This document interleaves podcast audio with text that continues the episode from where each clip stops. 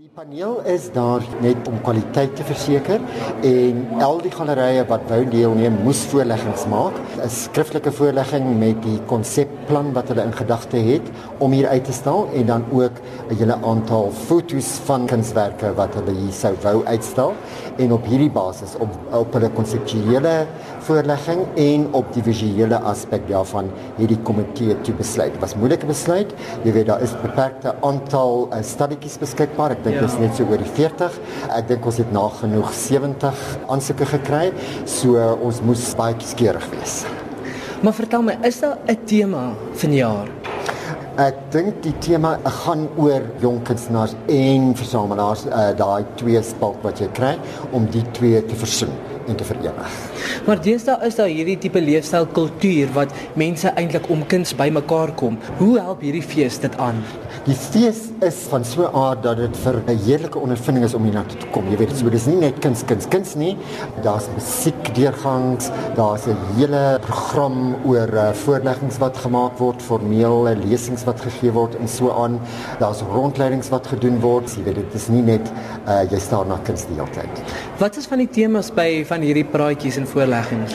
Hulle praat natuurlik oor wat is die aard van versameling, uh, wat is goeie beleggings en uiteraard jy weet hulle probeer om kunstenaars, so jy weet al die mense wat een of ander vesting het in die kuns te verteenwoordig op die lesingsprogram.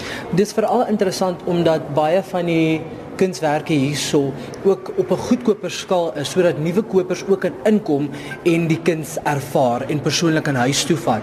So ek dink dit dra by tot om die mense op te voed en vir hulle daai ervaring te gee verseker. Ek dink dit was uh, uh, aanvanklik uh, die een van die groot doelstellings van die Turbine Art Fair uh, om kuns toeganklik en bekostigbaar te maak vir mense.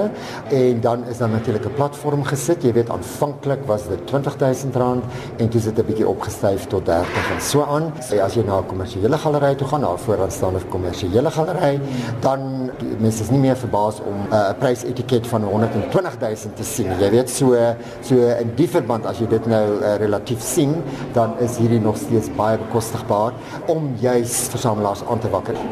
Daar's baie van die nuwe en opkomende kunstenaars wat hierso uitstal. Hoe is hulle gekies? Ons het dit oorgelaat aan die gallerye self wat hulle verteenwoordig en hulle het natuurlik hulle jongetjies voorgesit ja. en uh, 'n bietjie gestoot wat die hele doel is.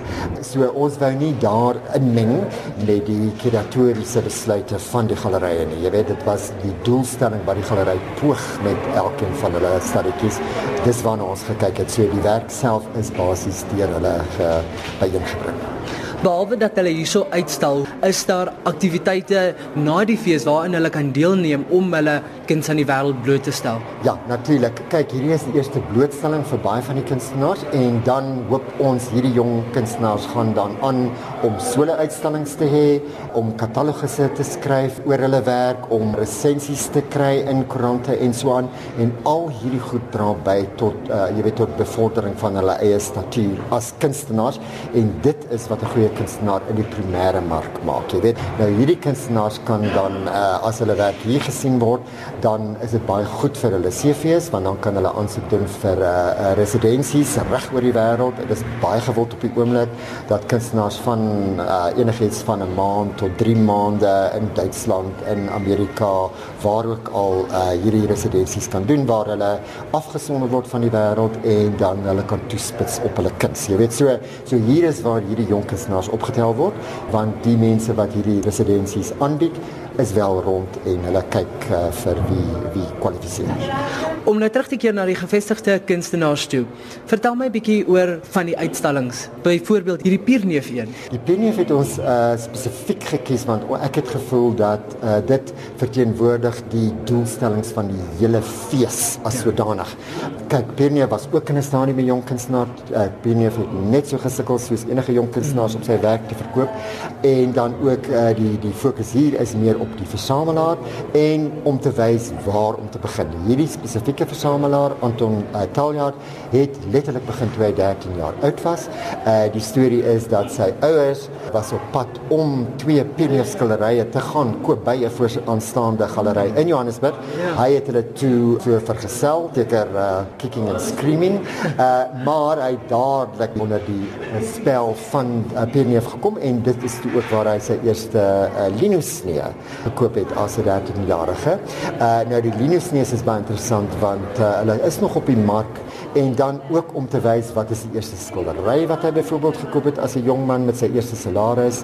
Uh hy het nie die huisrekening afbetaal nie, hy het 'n Pierneef skildery gekoop en hoe hy sy versameling uitgebou het.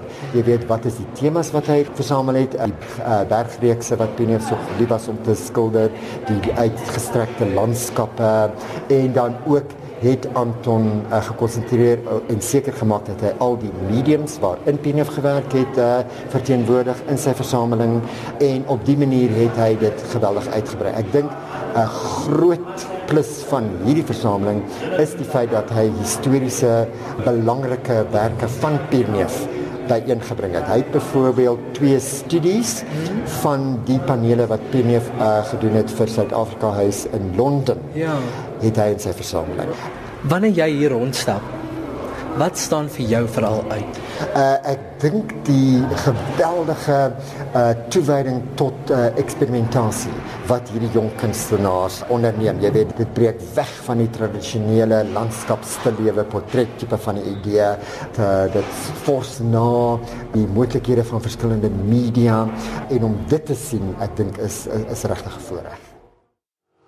Ek staan hier so met die kunstenaar Ayanda Kupa en ons staan so voor sy werk wat hy uit koffie gemaak het. Verduidelik vir my hoekom jy besluit het om koffie as jou medium te gebruik.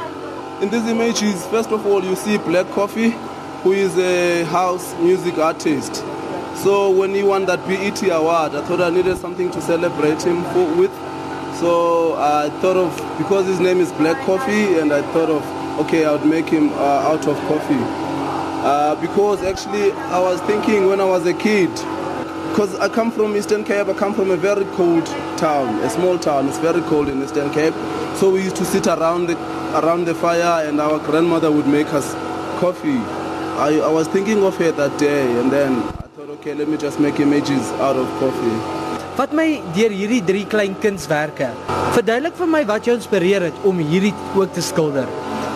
Yeah, because I work a lot with uh, with crowds. I work a lot with uh, people's energy. I love people getting together and people moving and you know people working together.